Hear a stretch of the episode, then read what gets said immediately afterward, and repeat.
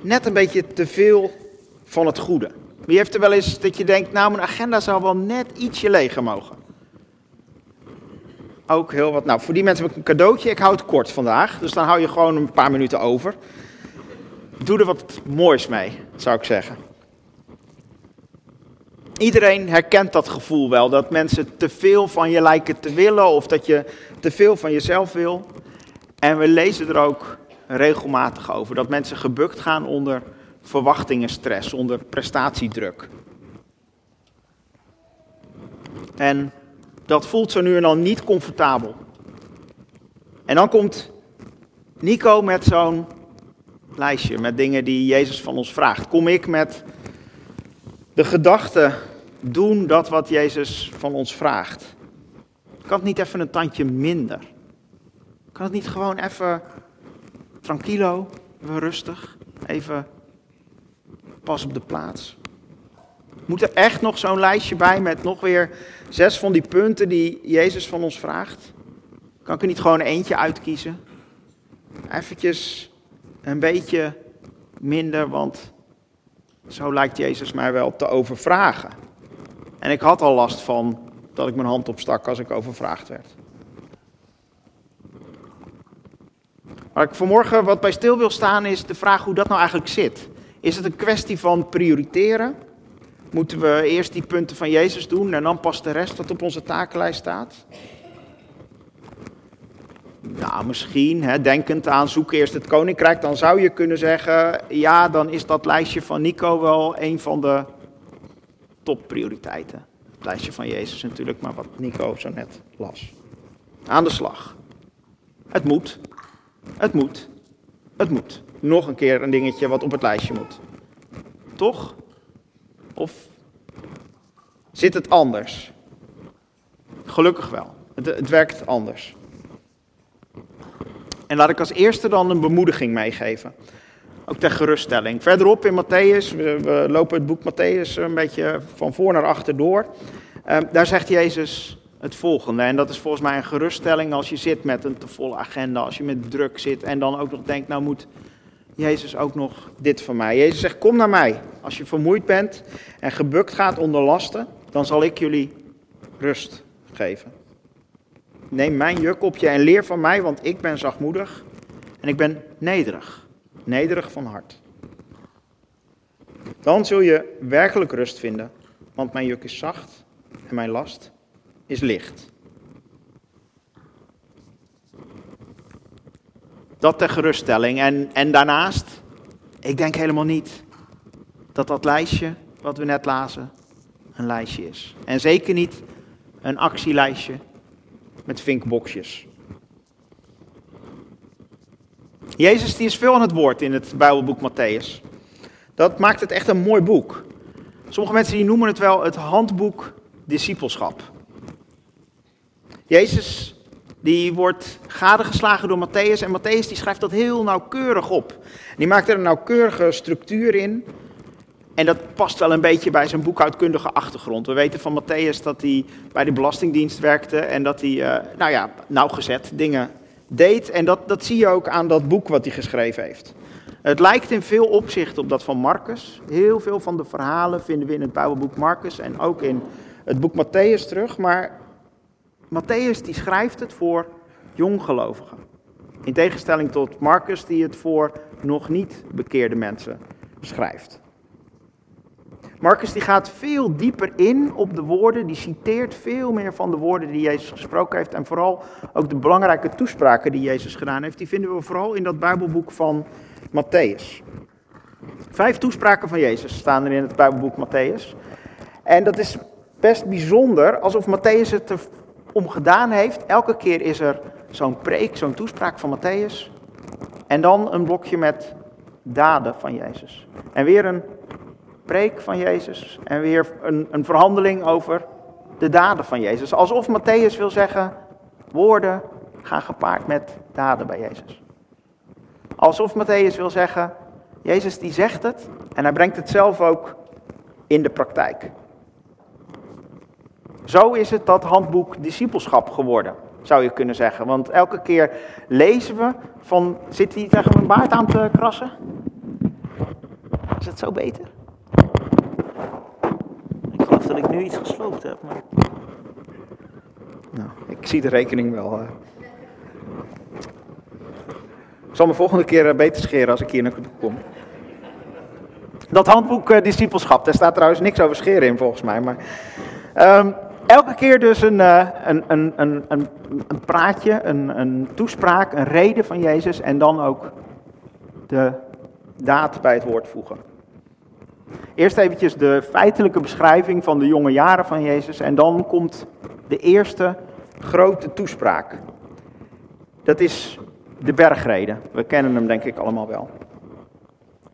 En deel 1 is dan dat eerste stuk van het handboek Discipelschap en dat gaat over de levensstijl binnen het koninkrijk. Jezus houdt een toespraak, zo doen we dit. Als je bij mij hoort, dan hoort dit erbij. Dan werkt het zo. Misschien wil hij eigenlijk wel een soort van zeggen, de levensstijl, dat is de prioriteit. En ik wil het graag met jullie lezen. Het staat in Matthäus 5 en dan begin ik bij vers 1.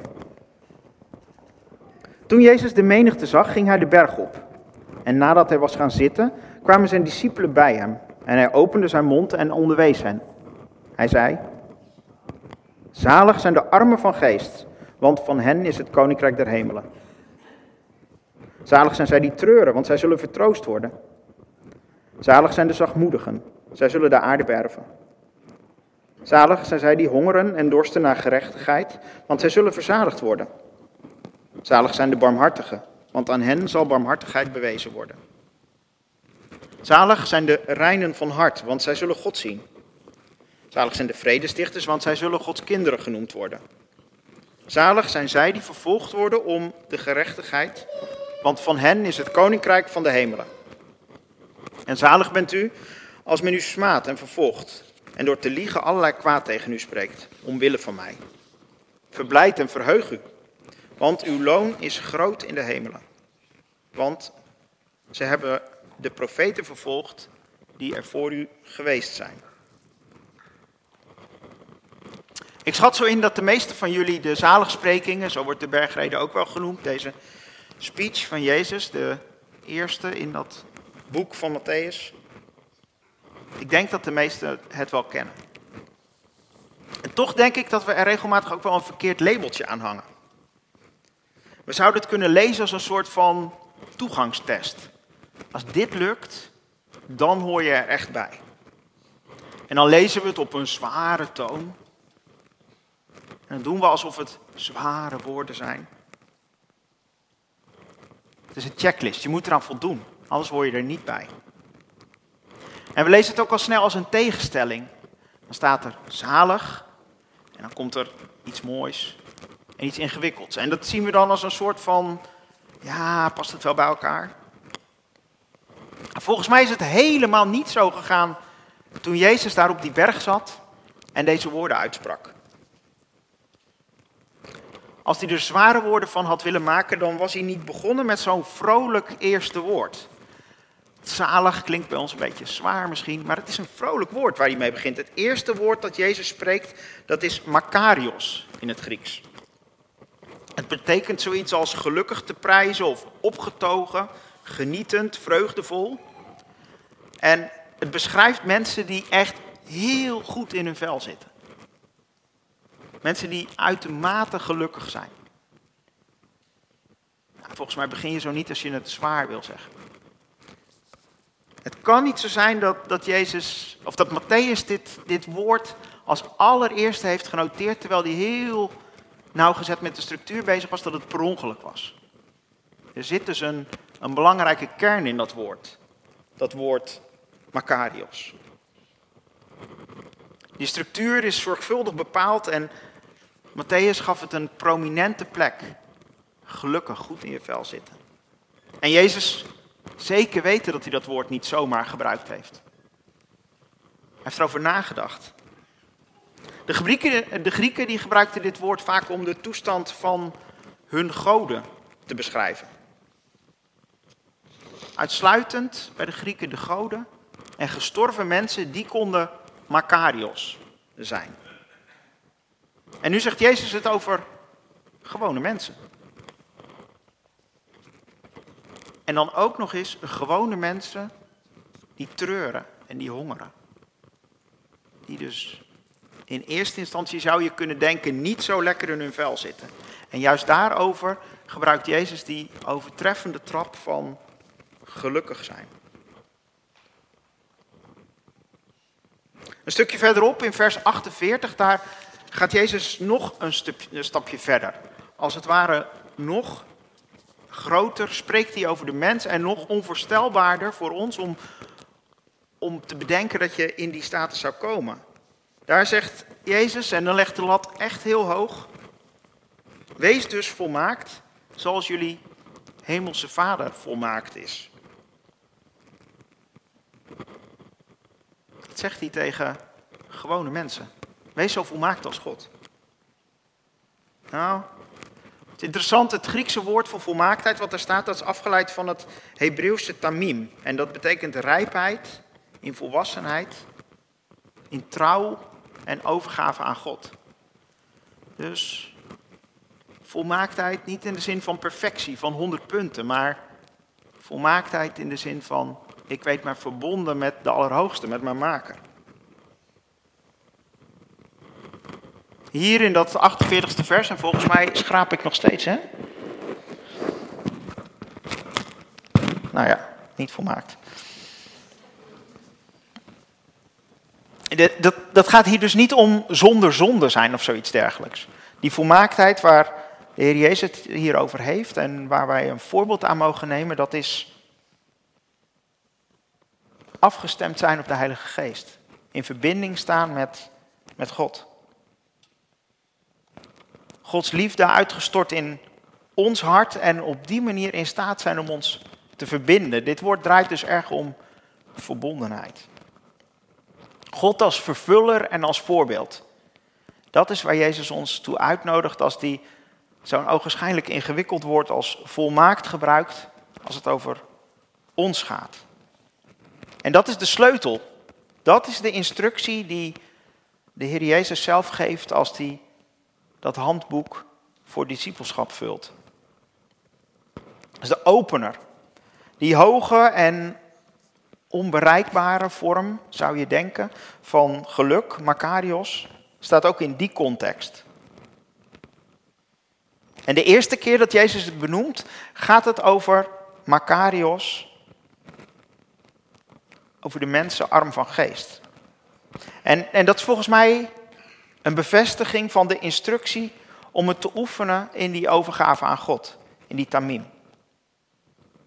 Het is dus niet nog een puntje op die overvolle actielijst. Nu moet je ook nog dit en dit en dit. Maar het is een basishouding. Een basishouding en dat is de levenshouding die past in het koninkrijk, die ons koninkrijk burgers maakt. Maar goed, arm van geest, dat is dan nog steeds best een ongrijpbare status. Hoe word je arm van geest? Hoe streef je dat na om arm van geest te zijn? Ik herinner me die uitdrukking, en ik weet niet of meer mensen dat hebben, vooral van vroeger, dat we in de kerk wel grapjes maakten. Als je dan iets doms deed, dan, uh, nou ja, zalig, de armen van geest. Hè? Dan kreeg je een soort van ja, compliment of trap na, dat weet ik eigenlijk niet precies. Maar in elk geval, hè, dat was dan een soort van, um, nou, stommeling. Um, en, en dat is niet wat Jezus bedoelt met dat arm van geest. Dat heeft niks te maken met intelligentie, met IQ, met klunzigheid. Nee, arm van geest is niet klunzig zijn. De MBV die zegt het iets begrijpelijker. Die zegt Makarios wie nederig van hart zijn. Zo iets makkelijker te begrijpen.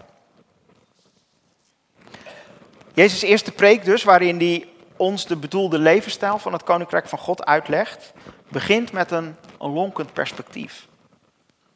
Als je echt goed in je vel wil zitten, wees dan nederig van hart. We kennen het woord nederig wel als je plek weten. We lezen het bijvoorbeeld ook in de overduidelijke instructie van de profeet Micha. Als het volk hem naar de bekende weg vraagt, want eigenlijk weten ze wel wat de bedoeling is. Als ze willen weten wat ze te doen staat, dan geeft Micha drie sleutels. Hij zegt, wees trouw, doe recht en wandel nederig met God. En Jezus' instructie staat eigenlijk niet heel ver hier vandaan. Als we de Bijbel in gewone taal erbij pakken, dan wordt het nog ietsje tastbaarder. Ik vind het heel mooi uitgelegd daar. Daar staat: Het echte geluk is voor mensen die weten dat ze God nodig hebben. Makarios, voor mensen die weten dat ze het niet alleen kunnen. Dat is je plek, dat is de sleutel, de basishouding in het koninkrijk. Ik vind het gaaf, ik vind het bijzonder, ik vind het didactisch ook gewoon heel mooi dat Jezus start met dit idee, deze basishouding. Als de moedje in de schoenen zakt van weer een volle actielijst, als je denkt, het lukt me niet, als je denkt, het wordt me te zwaar, juist dan wordt dat onbereikbare bereikbaar. Die Makorios, die is dan in zicht. Als we erkennen dat we het niet kunnen, juist dan, juist dan komt het dichterbij. Dan zitten we goed. Makorius, wie arm, met lege handen, voor God komt. Daar ligt de uitdaging die Jezus voor ons neerlegt. Vaak zijn onze handen zo ongelooflijk vol. We hebben alles wat ons hart begeert.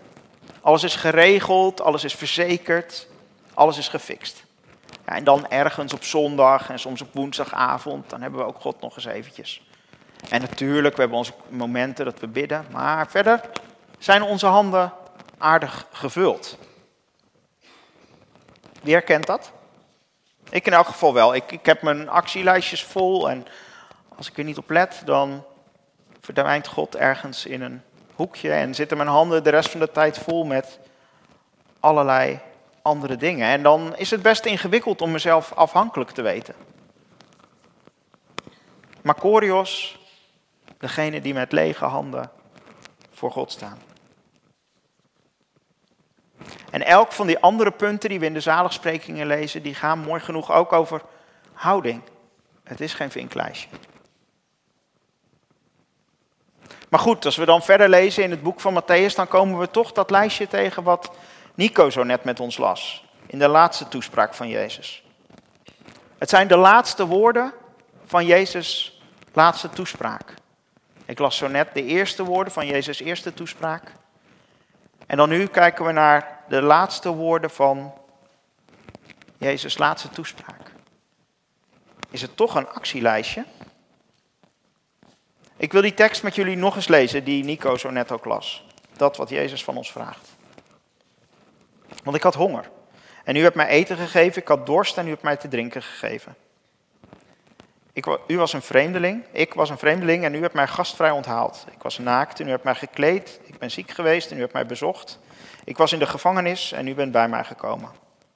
Dan zullen de rechtvaardigen hem antwoorden, Heren, wanneer hebben wij u hongerig gezien en te eten gegeven of dorstig en te drinken gegeven? Wanneer hebben wij u als vreemdeling gezien en gastvrij onthaald of naakt en hebben u gekleed? Wanneer hebben wij u ziek gezien of in de gevangenis en zijn we bij u gekomen? En de koning zal antwoorden, voorwaar ik zeg u, voor zover u dit voor een van de geringste broeders van mij hebt gedaan, hebt u dat voor mij gedaan. Ja, in deze laatste toespraak van de Heer Jezus gaat het wel over doen. Niet over alleen een houding, maar ook over actie. En vreemd genoeg is dit de enige toespraak waarna er geen verhandeling over de acties van Jezus volgt. Al de vorige vier toespraken in het boek Matthäus worden opgevolgd door daden die Jezus bij het woord voegt. En, en in dit geval, nee, geen verhandeling meer over daden, maar het verhaal over Jezus lijden en sterven volgt hierop. Pesach komt hier kort na. Zit erop. En Matthäus heeft vast en zeker ook deze structuur bedacht. Wat zou hij ermee willen zeggen? Dat het nu aan ons is? Ga maar bezig met de actiepunten. Ik denk dat het tegenovergestelde waar is. Hoe prachtig is het dat juist na het moment dat Jezus overgaat van houding naar daden, dat hij dan de grootste daad zelf verricht. Sterft aan het kruis en, en alles vervult. Alsof Jezus zegt, En nu vul ik jullie lege handen voor goed. Hoe armer je je voelt, hoe meer ik te vullen heb. En vanuit daar, vanuit daar is dat actielijstje daar. Als we met onze lege handen, met onze arme geesten vorm willen geven aan het koninkrijk, dan geeft Jezus een aantal handelingsperspectieven. Als je dit doet met je lege handen, dan doe je dit voor mij. Jezus' actielijstje is niet vrijblijvend, maar het is wel ongecompliceerd. Hij vraagt ons niet om grootse strategieën, hij vraagt ons niet om mega onbereikbare doelen, niet om omgeblazen plannen, maar gewoon om de ander te laten zien dat we willen delen in zijn of haar nood. Kleine stapjes. Kleine stapjes. Niet alles op je schouders. Niet alles weer in die handen. Maar gewoon dat stapje wat je hand vindt om te doen. Voor één van onze broeders. In een houding van nederigheid. In een houding van beschikbaarheid. In een houding met lege handen van afhankelijkheid. Heer, hier zijn mijn lege handen. Gebruikt u ze maar.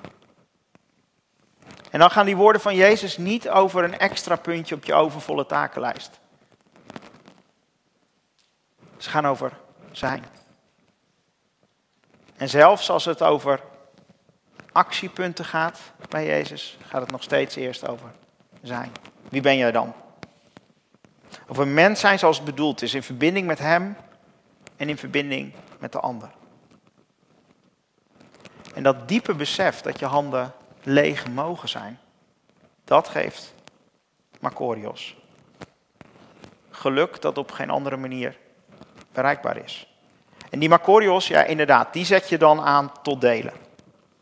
Ik vond het mooi wat Madeleine net zei, na dat filmpje wat we, wat we keken met elkaar, dat je kan delen, omdat je weet dat Jezus al gedeeld heeft. Dat je kan omzien naar de ander, omdat Hij omziet naar ons. Niet omdat jij de oplossing in huis hebt of omdat jij de verantwoordelijkheid hebt voor alle problemen die spelen.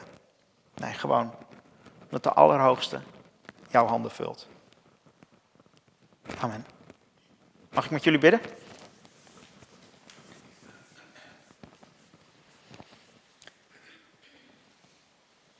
Heer God, we willen onze handen en onze hoofden bij u brengen. We willen ze openen en willen u vragen, wilt u helpen om ze leeg te maken? Want we hebben ze vaak zo vol. Vader, we willen lege handen hebben voor u, zodat u ze kunt vullen. We willen bij u zijn en we willen leren om eerst te zijn en dan te doen. Vader, wilt u ons in die stappen helpen, hoe die er ook bij ons allen uitzien. Wilt u ons helpen als de druk van alle dag groot is. En wilt u ons geven dat we dan ook onze handen mogen openen. Ze mogen laten zien en ze mogen laten leegmaken door u. Vader, dank u wel dat u ons zegent, waardoor we tot zegen kunnen zijn.